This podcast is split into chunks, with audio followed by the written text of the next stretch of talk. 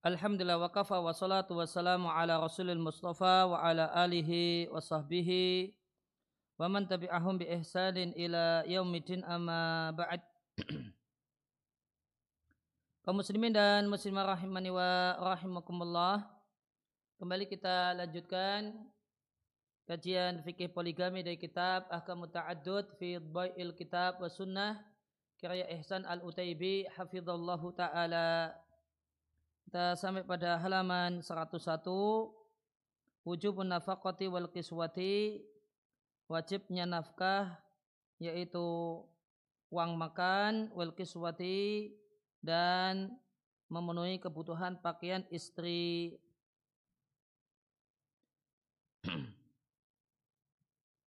Yang pertama dari Muawiyah ibn Haidah radhiyallahu anhu dari Nabi sallallahu alaihi wasallam ada seorang yang bertanya kepada Nabi, "Mahakul mar'ati ala zaujiha?" Apa hak seorang istri yang wajib ditunaikan oleh suaminya? Maka Nabi mengatakan, Engkau memberi makan istri jika engkau makan, engkau memberi istri pakaian jika engkau memakai pakaian. Wala tadribil wajah, jangan pukul wajahnya dan jangan jelek-jelekkan dia atau jangan caci maki dia. Dan jangan boykot illa fil baiti kecuali di rumah.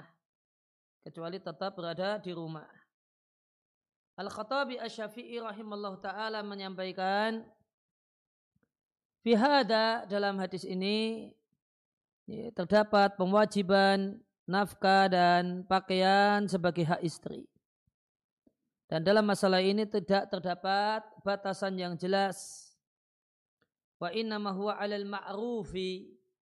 Oleh karena itu parameter parameternya adalah al-ma'ruf yang pantas menurut budaya. Ditambah ala qadri wus'i zauji. Sesuai dengan kemampuan suami, wajidatihi dan kekayaan suami.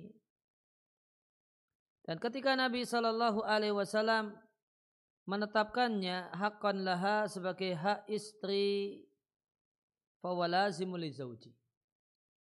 Maka itu adalah sebuah keharusan bagi suami. Baik suami ada di rumah atau posisinya tidak di rumah karena kerja di uh, di lain pulau atau kerja di luar negeri. Perhatikan wa ilam yajidhu kana dainan alaihi ini perhatikan nih para suami. Dan jika suami tidak memiliki memiliki uang yang bisa untuk nafkah istri, maka nafkah istri menjadi utang suami. Sampai kapan di, sampai kapan dia nggak lunas? Apakah kalau nanti dah lama lunas sendiri tidak? Illa ayatiyaha illa ayatiyahu ilaiha sampai dia bayarkan pada istrinya. Ya, kecuali istrinya sangat baik. Dan sebagian orang itu sangat baik karena tidak tahu haknya. Ya, ya, tidak tahu haknya sehingga dia ya, dalam tanda kutip sangat baik. Jadi sampai dia bayarkan kepada istrinya atau istrinya merelakannya. Mengikrarkan, damas, ya, nafkah ya, lima tahun yang lewat saya anggap lunas di sini. Ya, maka ya ketika mendapatkan ikrar demikian ya suami wajib sangat terima kasih dan jangan lupa cium, sambil cium istri dan sambil peluk istri karena demikian baiknya istri. Nah. Kasairil hukuki zaujiyati seperti hak-hak suami istri yang lainnya yang tidak lunas, tidak selesai kecuali uh, setelah dibayarkan. Ya, sekian kutipan dari Ma'alim Sunan, uh, Sarah Sunan Abu Dawud karya Al-Khattabi. Yang kedua dari Jabir radhiallahu anhu, Nabi Shallallahu alaihi wasallam menyampaikan, "Fattaqullaha fin nisa'i." Bertakwalah kalian kepada Allah dalam mempergauli mempergauli istri-istrimu. Fa innakum akhadtumuhunna bi amanatillahi. Sungguh kalian mengambil istri itu dengan amanah dari Allah. Wastalaltum furujahunna bi kalimatillahi dan kalian uh, menghalalkan kemaluannya dengan firman Allah yang mensyariatkan pernikahan. Walahunna alaikum dan hak istri yang wajib ditunaikan kalian oleh para suami rizkuhunna, kebutuhan makannya. Wa kiswatuhunna dan kebutuhan pakaiannya. Bil ma'ruf dengan kadar yang layak dan patut. Rahu Muslim. An-Nawawi rahimahullah ta'ala, An-Nawawi Asyafi'i rahimahullah ta'ala menyampaikan isi hadis ini wajibnya memenuhi kebutuhan makan istri dan kebutuhan pakaian istri. Wadalika dan hal hukum semacam ini sabitun bil ijma'i.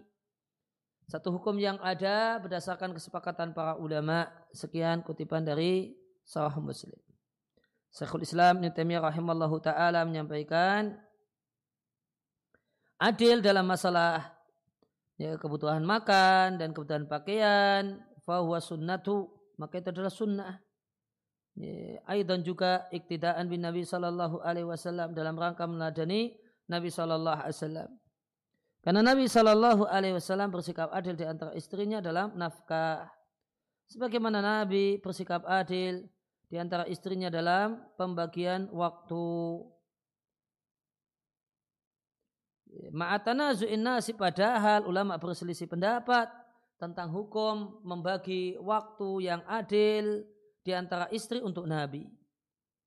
Apakah itu wajib atas Nabi? Ataukah itu hanya mustahab atas Nabi? Ada dua pendapat dalam masalah ini. Demikian juga mereka, para ulama berselisih pendapat tentang apakah Nabi wajib adil untuk nafkah? Apakah adil dalam masalah nafkah bagi Nabi itu wajib atau mustahab? wa wujubuhu dan wajibnya dan pendapat yang mengatakan wajib itu lebih kuat dan lebih dekat dengan Alkitab dan Sunnah. Majmu'ul Fatawa. Khatib Asy-Syarbini Asy-Syafi'i rahimahullah taala menyampaikan wajib laha menjadi hak istri. Kiswatun dipenuhi kebutuhan pakaiannya takfiha. Berapa kadarnya? Kadarnya kadar cukup, cukup baginya. Demikian dari kitab Murni Al-Muhtaj. Ibnu Qudamah Al-Hambali menyampaikan watajibu alaihi dan wajib bagi suami memenuhi kebutuhan pakaian istri dengan sepakat para ulama. Dan Al-Bukhari mengatakan wujubun nafaqati alal ahli wal ayali. Wajibnya menafkahi istri dan anak.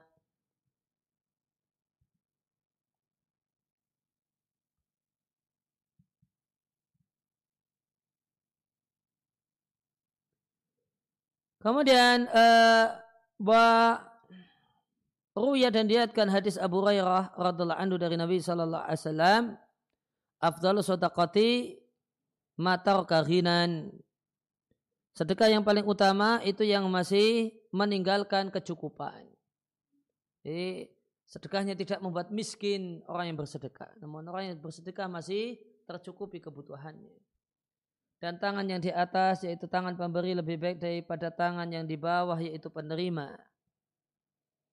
Dan mulailah dengan orang yang wajib Anda nafkahi.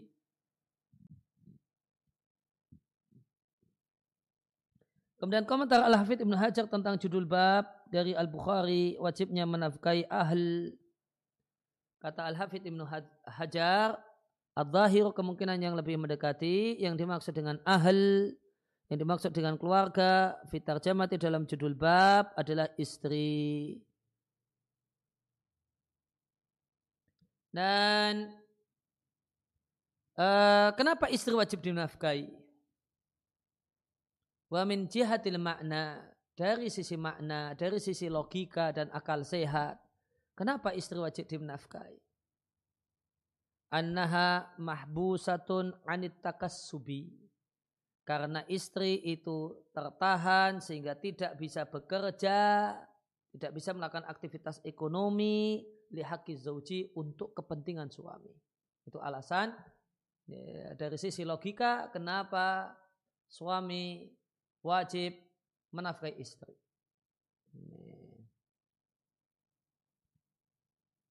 Dan terdapat ijma ulama sepakat ulama akan wajibnya Maka kalau demikianlah makna kenapa istri wajib dinafkahi, maka jika istri itu kerja, sehingga sebagian waktu istri itu ya, dia manfaatkan untuk kepentingan pribadinya dan bukan kepentingan suami. Ya maka ini kalau ya, ya, menimbang hal ini maka kewajiban menafkahi kewajiban menafkahi kewajiban suami untuk menafkahi itu nanti uh, ya berarti kewajibannya tidak ya, tidak se ini ya tidak seketat kalau istri itu statusnya ibu rumah tangga. Karena nafkah itu adalah kompensasi istri di rumah untuk kepentingan suami. Ya, nafkah itu kompensasi dari istri di rumah, nggak bisa kerja, nggak bisa cari duit sendiri. Demi kepentingan suami, demi karena sayang suami dan anak-anak dan anak-anak suami dan anak-anaknya.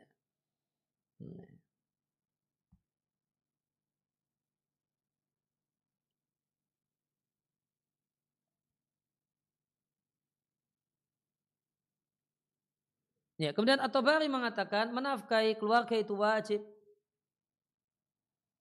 Walladhi yu'tihi yu'jaru ala dalika. Dan orang yang memberikan nafkah, yang uh, orang yang memberikan nafkah dalam ini suami, yuk jaru diberi pahala. Ala dalika karena menafkahi bihasabi qasdihi. Sesuai dengan niatnya. Kalau niatnya niat yang benar, ya, maka uh, diberi pahala. Jika tidak ya, dia lakukan tanpa niat, sekedar melakukan demikian saja, ya, ya kada ada, tidak ada pahala, uh, maka tidak ada pahalanya. Sekedar menaikkan kewajiban tanpa ada pahala.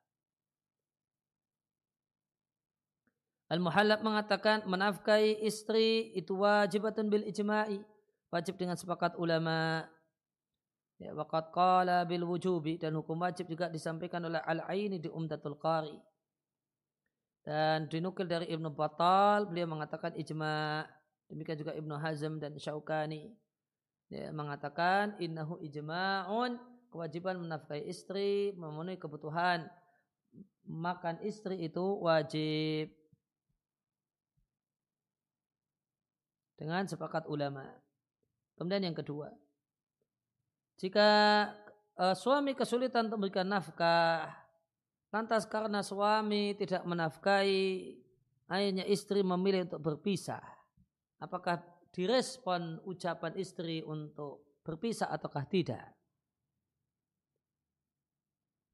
Abu Hurairah radhiallahu anhu mengatakan setelah menyebutkan hadis Nabi Wasallam yang telah lewat, mulailah dengan orang yang engkau wajib nafkahi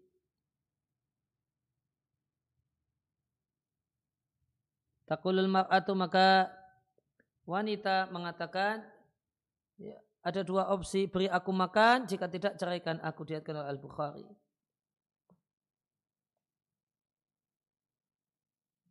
Al-Hafidh Ibn Hajar mengatakan wastudillah dan uh, digunakan sebagai dalil dikauli perkataannya beri aku makan atau cerai aku mangkal ulama yang mengatakan yufarak dipisahkan antara seseorang dengan istrinya jika si suami kesulitan menafkahi kemudian istri memilih untuk bercerai. Wa qaulu jumhuril ulama dan ini pendapat mayoritas para ulama. Ini mayoritas para ulama menyampaikan jika suami tidak mau bekerja atau malas bekerja istri boleh memilih untuk sehingga tidak pernah menafkahi istri karena tidak mau kerja atau malas kerja bahkan malah minta nafkah sama istri, maka istri diperbolehkan untuk minta cerai. Ini pendapat mayoritas para ulama. Catatan kaki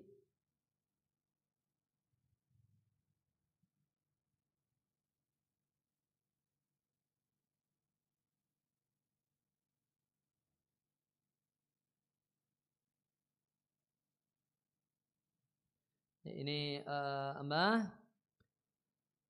uh, telaah pada fikih klasik ya, ya penulis mengatakan dan jumhur ulama itu mengherankan ketika mereka mengatakan uh, boleh meminta pisah karena suami syarat ekonominya sehingga tidak menafkahi. Ya, namun perlu diketahui bahasanya jumhur ulama atau ya, yang kita jumpai di teks-teks uh, fikih klasik ya, is, suami itu tidak memiliki kewajiban untuk menanggung biaya berobat istri. Ya. Walam yakulu dalika, namun mereka tidak mengatakan demikian. Istri boleh minta cerai kepada suami karena suami nggak mau menanggung biaya pengobatan istri. Dan mereka tidak mengatakan demikian seandainya suami tidak menafkahi istri, tidak menanggung sama na'ilajiha, biaya pengobatan. Meskipun sakitnya itu menyebabkan matinya. Idhum karena mereka cuma ulama, tidak berpandangan, memandang bahasanya adalah obat dan biaya dokter bukanlah termasuk kewajiban suami.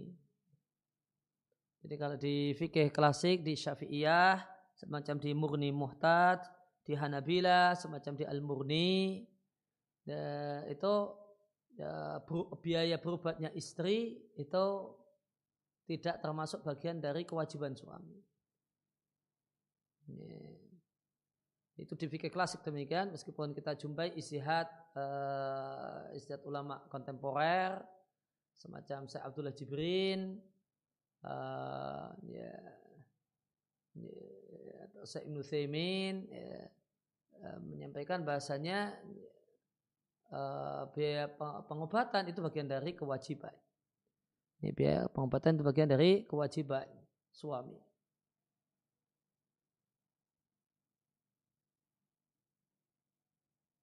Ya, wakala kufiyun, sedangkan para ulama kufah, ya ini identik dengan mazhab Abu Hanifah, mengatakan ketika ekonomi suami itu syarat yalzamuha.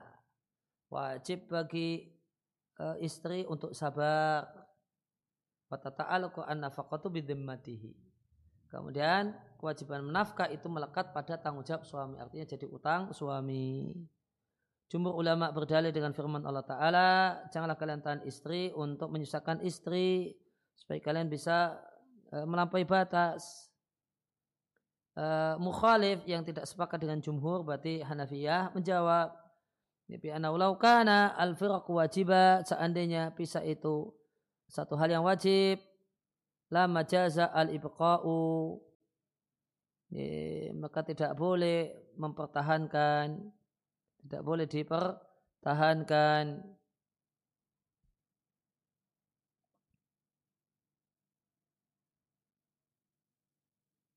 Ida radiyat jika istri ridha jika istri ridha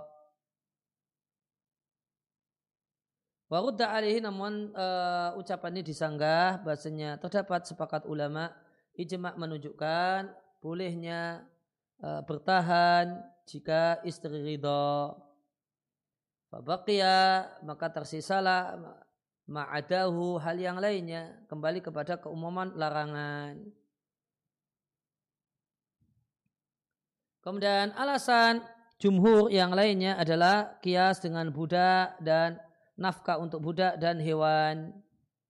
Fa inna man a'sara bil infaqi alihi maka jika seorang itu punya budak atau punya hewan peliharaan, kemudian kesulitan untuk menafkahi hewan peliharaannya, maka ini misalnya pemilik kambing, kesulitan untuk menafkahi kambingnya, maka ujbira ala bai'ihi, maka dia dipaksa untuk menjual kambingnya ittifaqan dengan sepakat ulama.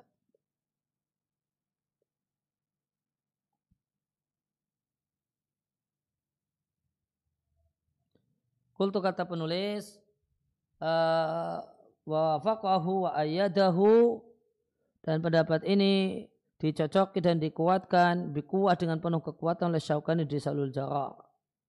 Lantas disanggah oleh al ini di Umdatul Qari. Dan di antara ulama yang berpendapat uh, wa wa mimman yara al-ahnaf dan di antara yang setuju dengan pendapat uh, pendapat Hanafiyah adalah Ibnu Hazm. Maka kami akan kutip perkataannya dan akan kami sebutkan insyaallah taala pendapat yang rajih dalam masalah ini.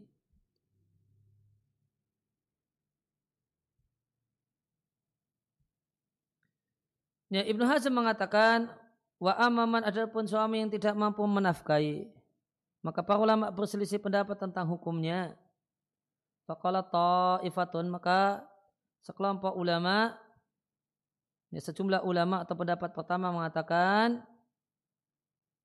suaminya dipenjara ya, fala yutalik maka dia tidak menjatuhkan talak dan tidak dibebani untuk menjatuhkan talak. Ini pendapat Ubaidillah ibn Hasan al-Ambari Qadi Basra. Ah, Ibnu uh, Ibnu Hazm mengatakan laita sya'ri. Duh aku lima ada yusjanu maka suami yang enggak bisa menafkahi karena enggak punya duit kenapa di penjara?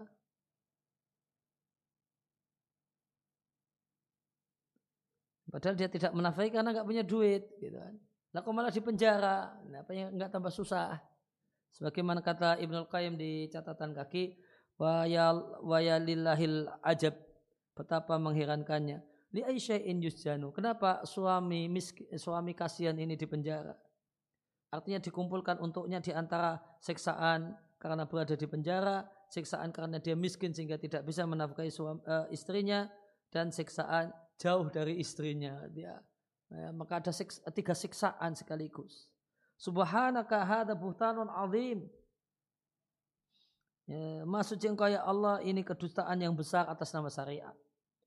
Wa ma'adunnu dan aku tidaklah memiliki sangkaan man syamma raihatal ilmi orang yang mencium bau ilmu yaqulu hada bisa-bisanya berpendapat dengan pendapat semacam ini. Kemudian pendapat yang kedua, kembali ke atas, yujbaru dia dipaksa untuk menafkahi atau menceraikan. Sebagaimana riwayat yang kami dapatkan dari Ibnu Umar. Umar menulis surat kepada para tentara panggil fulan dan fulan yaitu sejumlah orang yang uh, yang qata'u anil Madinah warahalu anha ya sudah putus kabar dari kota Madinah dan pergi meninggalkan kota Madinah dan mengatakan di suratnya pulang temui istri-istrimu wa imma dan ada opsi kirimkan nafkah untuk mereka atau cerai mereka Akhirnya mereka memilih untuk mengirimkan nafkah yang telah lewat yang masih terhutang. Ya, Wadakar dan ya, Ibn Hazm menyebutkan perkataan Abu Hurairah yang lewat. Jika mereka mengatakan ini adalah perkataan Abu Hurairah, fawwa maka itu ada perkataan dua sahabat Umar dan Abu Hurairah.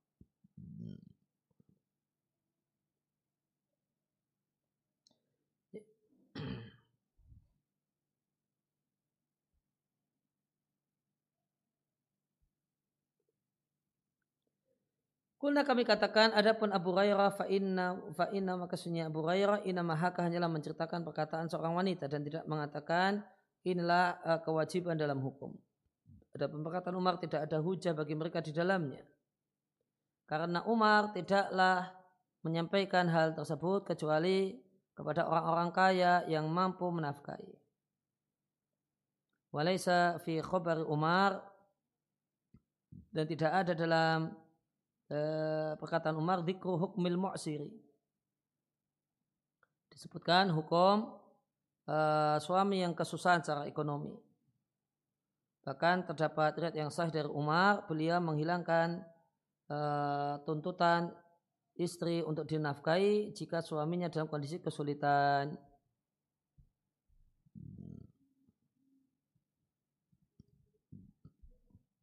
Kultu kemudian wa naqalahu demikian dinukil oleh Ibnu Hazm dari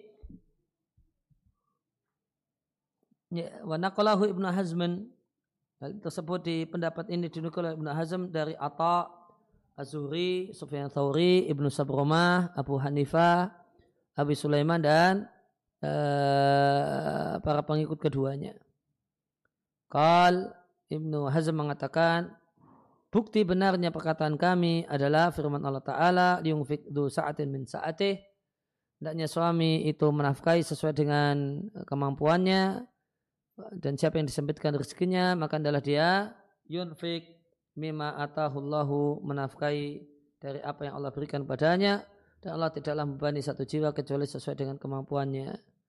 Maka Allah Ta'ala dan Allah Ta'ala berfirman, La yukalifullah nafsan illa wus'aha. Allah tidak membani satu jiwa kecuali sesuai dengan kemampuannya.